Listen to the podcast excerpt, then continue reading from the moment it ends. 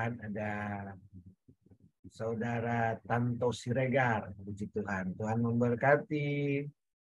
Ada keluarga Bapak Charles ya, Ibu Ade di Bogor, kemudian Bapak Samuel Noeng dan keluarga. Puji Tuhan. Ada keluarga Ibu Gembala Jonggol, ada hamba Tuhan Elika. Puji Tuhan, Tuhan memberkati kita semua yang ada pada sore hari ini. Kebenaran firman Tuhan di dalam Yeremia pasal yang ke-17. Kitab Yeremia pasal yang ke-17. Ayat yang sudah tidak asing lagi buat saudara dan saya. Ayat yang ke-7. Yeremia pasal yang ke-17. Ayat yang ke-7. Demikian firman Tuhan.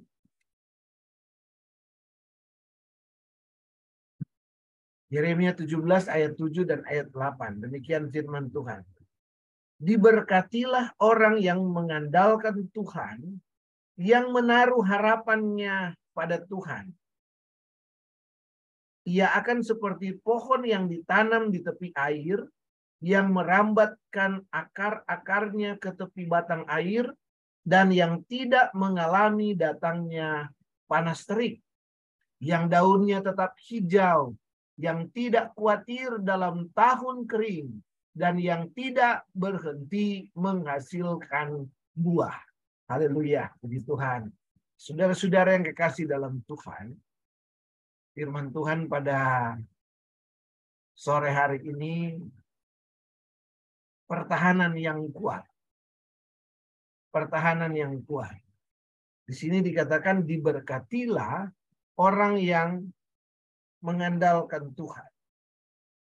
Yang menaruh harapnya pada Tuhan. Jadi dikatakan diibaratkan seperti pohon tidak tidak mengalami datangnya panas terik, tidak khawatir dalam tahun kering. Haleluya. Tidak khawatir dalam tahun kering. Kalau dalam kolose saudara beri tanda itu ayat-ayat ini kita lihat dulu dalam Kolose pasal yang pertama ayat yang ke-23.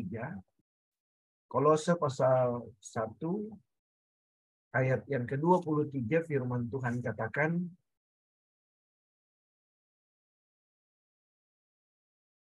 Sebab itu kamu harus bertekun dalam iman, tetap teguh dan tidak bergoncang, dan jangan mau digeser dari pengharapan Injil yang telah kamu dengar, dan yang telah dikabarkan di seluruh alam di bawah langit dan yang aku ini Paulus telah menjadi pelayannya. Firman Tuhan katakan harus bertekun dalam iman, tetap teguh dan tidak bergoncang. Jadi bagaimana iman saudara teguh dan tidak bergoncang serta tidak bergeser. Di situ disebutkan jangan mau digeser ada yang berusaha untuk menggeser iman kita. Ya. Tidak bergoncang.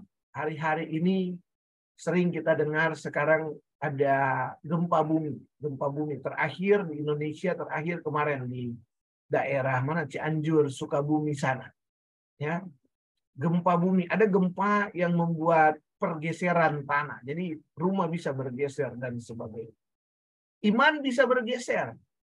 Itu sebabnya firman Tuhan katakan harus bertekun dalam iman dan teguh. Ya, teguh. Nah, bagaimana untuk saudara dan saya teguh? Tadi di dalam Yeremia pasal yang ke-17 itu tadi dikatakan diberkatilah orang yang mengandalkan Tuhan.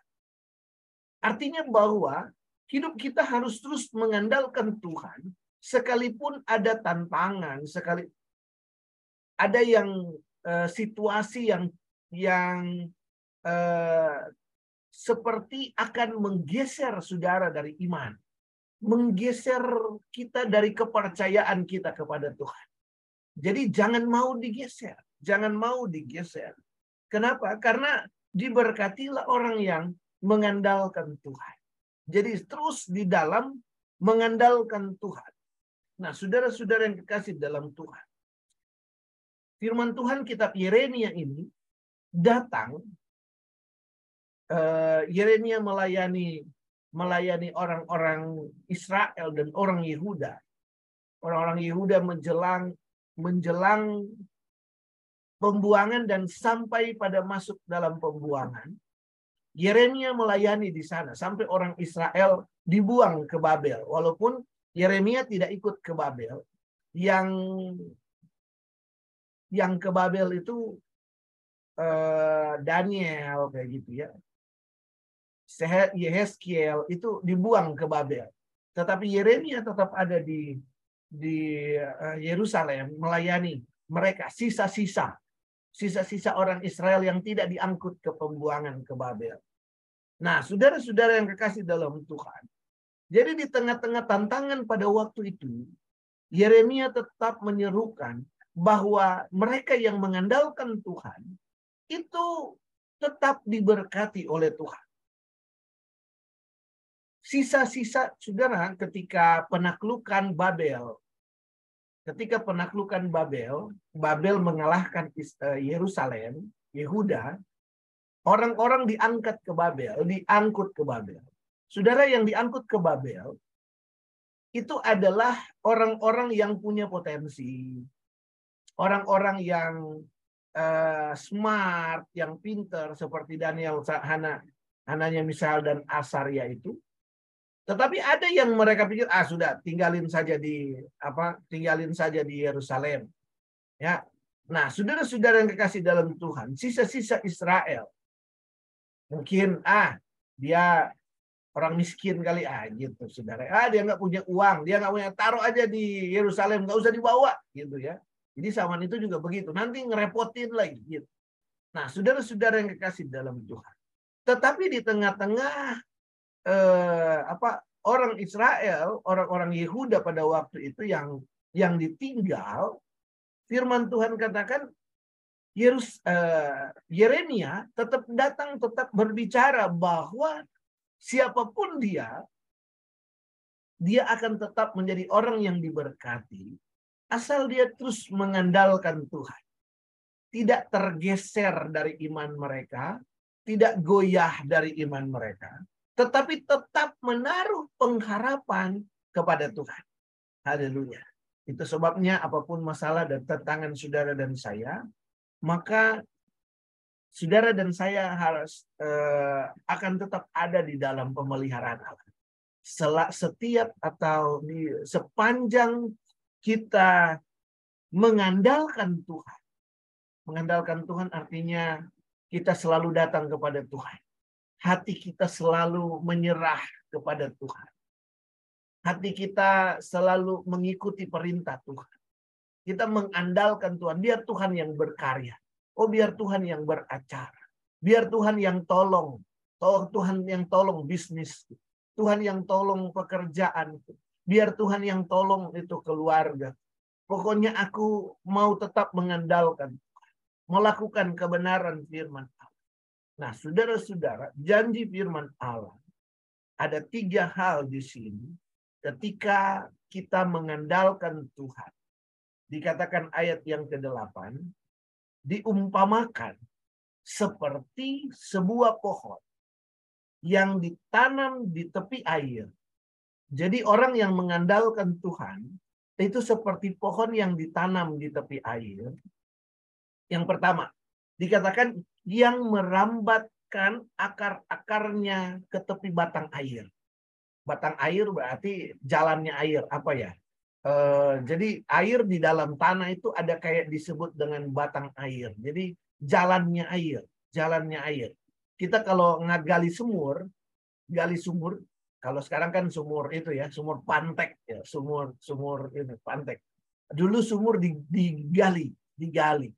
Jadi ketika digali dalam dalam kedalaman tertentu, saudara dan saya suka lihat ada air yang keluar, ya. Mata air. Kita bilangnya mata air. Tetapi sebetulnya di dalam Alkitab disebut itu mata air yang sebetulnya mengalir ada batang air namanya. Jadi kayak apa ya? Kayak pembuluh darah. Ini pembuluh air gitu. Jadi air tuh punya jalannya. Batang air itu adalah air di dalam tanah yang punya yang mengalir, saudara-saudara yang dikasih dalam Tuhan. Dan firman Tuhan katakan, orang yang mengandalkan Tuhan itu seperti pohon yang merambatkan akar-akarnya itu ke tepi batang air. Haleluya. Artinya apa? Berarti arah batang, arah akarnya sudah tepat. Arahnya tepat. Ini yang pertama, saudara. Orang yang mengandalkan Tuhan, berarti arahnya sudah tepat. Menuju ke batang air, menuju kepada sumber kehidupan, yaitu Yesus. Akar-akarnya menuju. Saudara-saudara, sudah tepat itu. Memanjang akarnya, memanjang. Menuju ke batang air. Bukan ke tempat yang kering bukan ke tempat yang kering dan sebagainya. Tetapi firman Tuhan katakan akar-akarnya ke tepi batang air. Jadi sudah pas, sudah pas. Teknologi dari Israel luar biasa. Mereka melakukan pena apa? Eh, mereka menanam misalnya gitu. Di sana ada daerah-daerah yang sulit sekali air ya, sulit sekali air. Mereka mengandalkan air yang mengalir dari Bukit Hermon itu ya. Nah, daerah-daerah, tetapi sekarang luar biasanya tanaman mereka luar biasa. Sekalipun airnya tidak sebanyak kita di Indonesia. Kalau kalau kita air kita siram, siram itu tanaman kita siram dari atas. Ya, siram bunga kita siram pakai gayung dan sebagainya. Kalau orang Israel tidak begitu airnya dia taruh langsung ke akarnya. Jadi dia suntik air lewat bawah, saudara ya. Jadi hanya sedikit saja air, tapi yang penting kena ke akarnya. Dan tumbuhan di sana, sayur-sayuran, buah-buahan, itu luar biasa eh, hasilnya itu. Yang penting mencapai akar itu air. Nah, saudara-saudara, jadi ini eh, sudah tepat, arahnya sudah tepat. Arahnya sudah tepat. Tadi kita nyanyi pujian, Sering ku tak mengerti jalan-jalanmu. Ya tuh, sering ku tak mengerti jalan-jalanmu Tuhan. Memang kadang kita tidak mengerti. Tapi percayalah, sekalipun kita tidak melihat apa yang ada di depan karena kita bukan paranormal. Kita tidak bisa melihat masa depan. Ya, kita paranormal aja sebetulnya dia nggak tahu masa depan, pura-pura tahu aja dia. Yang tahu masa depan cuma Tuhan. Haleluya. Paranormal itu cuma cocok-cocokan aja. Ya siapa tahu kena kan gitu. Jadi paranormal itu cuma menduga-duga. Wah nanti begini. Kalau kena pas, oh berarti mantap ilmunya. Kalau enggak, ya itulah. Jadi mereka juga cuma cocok-cocokan saja, saudara ya. Tapi kalau Tuhan dia tahu masa depan. Kalau kita nggak tahu masa depan, tapi yang kita tahu Tuhan kita ada bersama-sama dengan kita dan arahnya sudah tepat. Jadi sekalipun sering ku tak mengerti jalan-jalan Tuhan. Tapi kalau saudara dan saya terus berpegang kepada Tuhan, pokoknya arahnya sudah tepat. Ada orang yang buta dipimpin ya kita suka lihat ya di mana gitu di jalan di apa ada orang buta dipimpin oleh seseorang temannya jadi orang buta hanya berpegangan saja pada temannya dan orang buta itu percaya saja dia percaya bahwa dia dipimpin pada pada arah yang benar. Begitupun kita dengan Tuhan. Pokoknya kita berpegang saja kepada Tuhan. Karena kita percaya kalau Tuhan membawa kita, dia bawa kita pada arah yang tepat. Yang kedua, dikatakan di sini,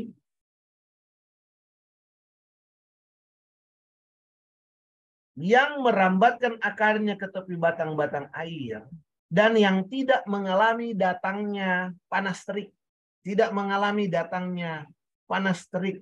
Jadi rupanya orang yang mengandalkan Tuhan itu seperti pohon yang akarnya itu sampai ke batang air sehingga kemudian menyerap air secukupnya sesuai dengan kebutuhannya. Untuk apa? Akhirnya bisa mempertahankan kondisinya yang baik. Ya, bisa mempertahankan kondisi rohani yang kuat. Itulah kenapa kemudian iman saudara dan saya tetap menjadi kuat. Kenapa? Karena kita terus berpegang kepada Tuhan. Dalam kondisi yang prima. Rohani kita kondisinya prima. Iman kita kuat. Karena kita bergantung kepada Tuhan. Jadi yang pertama arah kita tepat. Yang kedua dijamin ketika kita mengandalkan Tuhan, itu berarti kita punya daya tahan yang baik. Daya tahan yang baik.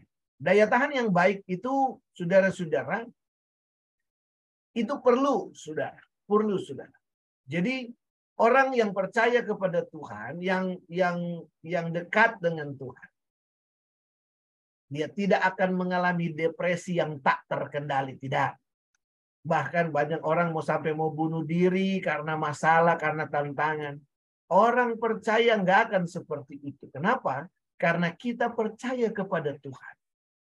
Tuhan berkata, jangan engkau khawatir. Khawatir. Uh, Yesus pernah menegur Marta. Marta, Marta, engkau khawatir dengan banyak perkara. Manusia suka khawatir dengan banyak perkara. Tetapi Yesus mengajarkan saudara dan saya, jangan khawatir sebab Yesus beserta dengan kita. Dan ketika Tuhan mulai membuka jalan buat kita, saudara dan saya akan membuktikan, oh iya ya, kalau Tuhan suka menolong saya, kenapa saya harus khawatir? Kalau nanti ada masalah, saya tidak khawatir karena Tuhan pasti berikan jalan. Yang penting adalah saudara dan saya bergantung kepada Tuhan. Setia kepada Tuhan. Melakukan kebenaran firman Allah maka saudara akan melihat Tuhan mengerjakan pekerjaannya, Tuhan mengerjakan bagiannya. Bagian kita adalah melakukan kehendak Tuhan. Maka pertolongan Tuhan itu adalah bagian Tuhan. Tuhan yang memberi pertolongan kepada saudara dan saya. Bahkan firman Tuhan katakan, kamu akan berperang, kamu akan diam saja. Allah berperang ganti kita, maka kamu akan diam saja. Itu sebabnya saudara-saudara yang kekasih dalam Tuhan. Tidak khawatir. Kenapa? kondisi rohani kita kuat. Sekalipun ada masalah dan tantangan, saudara dan saya tidak gampang khawatir, tidak gampang takut, dan sebagainya. Artinya kondisi rohani kita menjadi baik. Itu karena eh, mengandalkan Tuhan, menaruh harapannya kepada Tuhan. Dan yang ketiga, yang terakhir. Yang terakhir. Di sini dikatakan,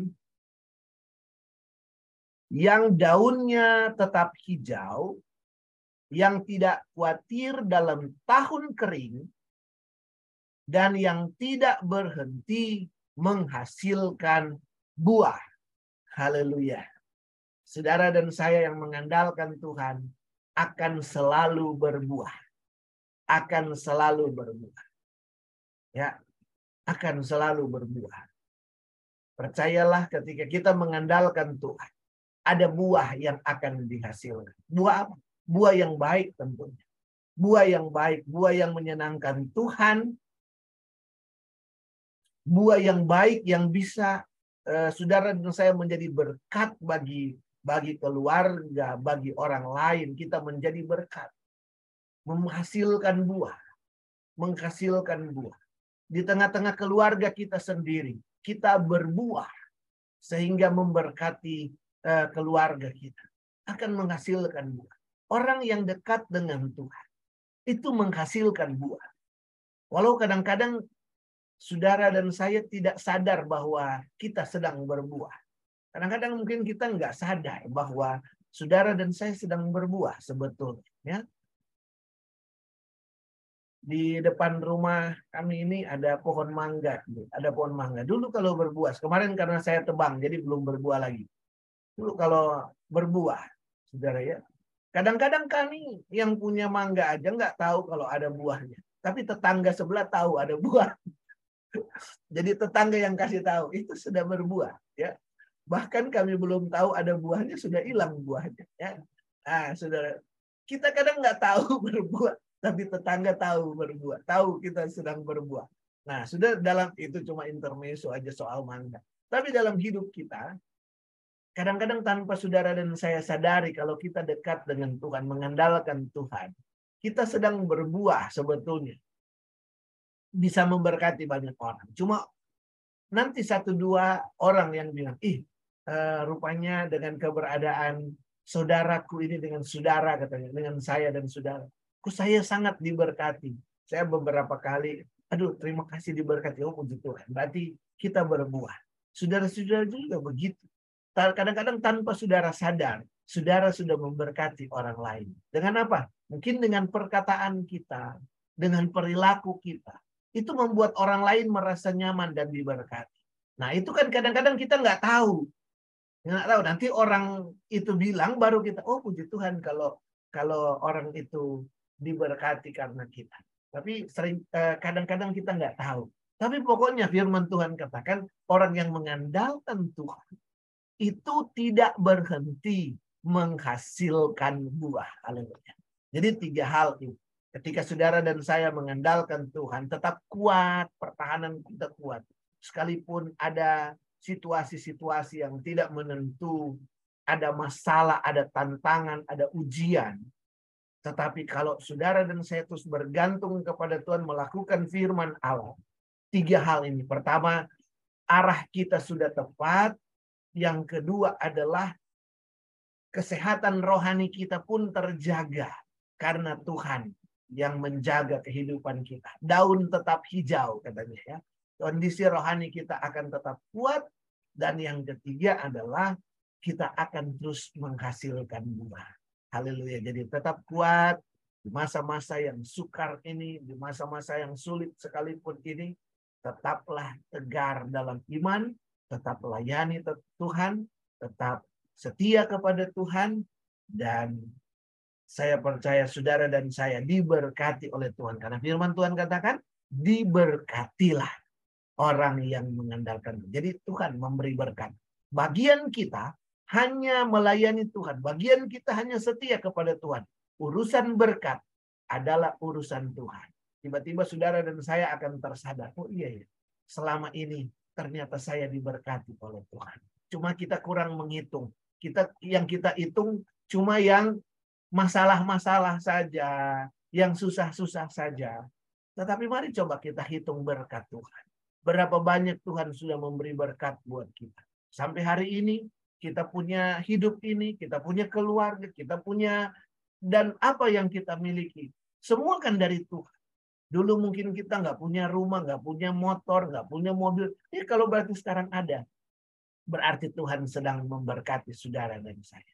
Haleluya. Itu sebabnya sekali lagi tetap mengandalkan Tuhan, menaruh harapan hanya kepada Tuhan. Puji Tuhan, Tuhan Yesus memberkati kita semua dengan kebenaran firman Tuhan. Dan saya serahkan kepada Ibu Gembala.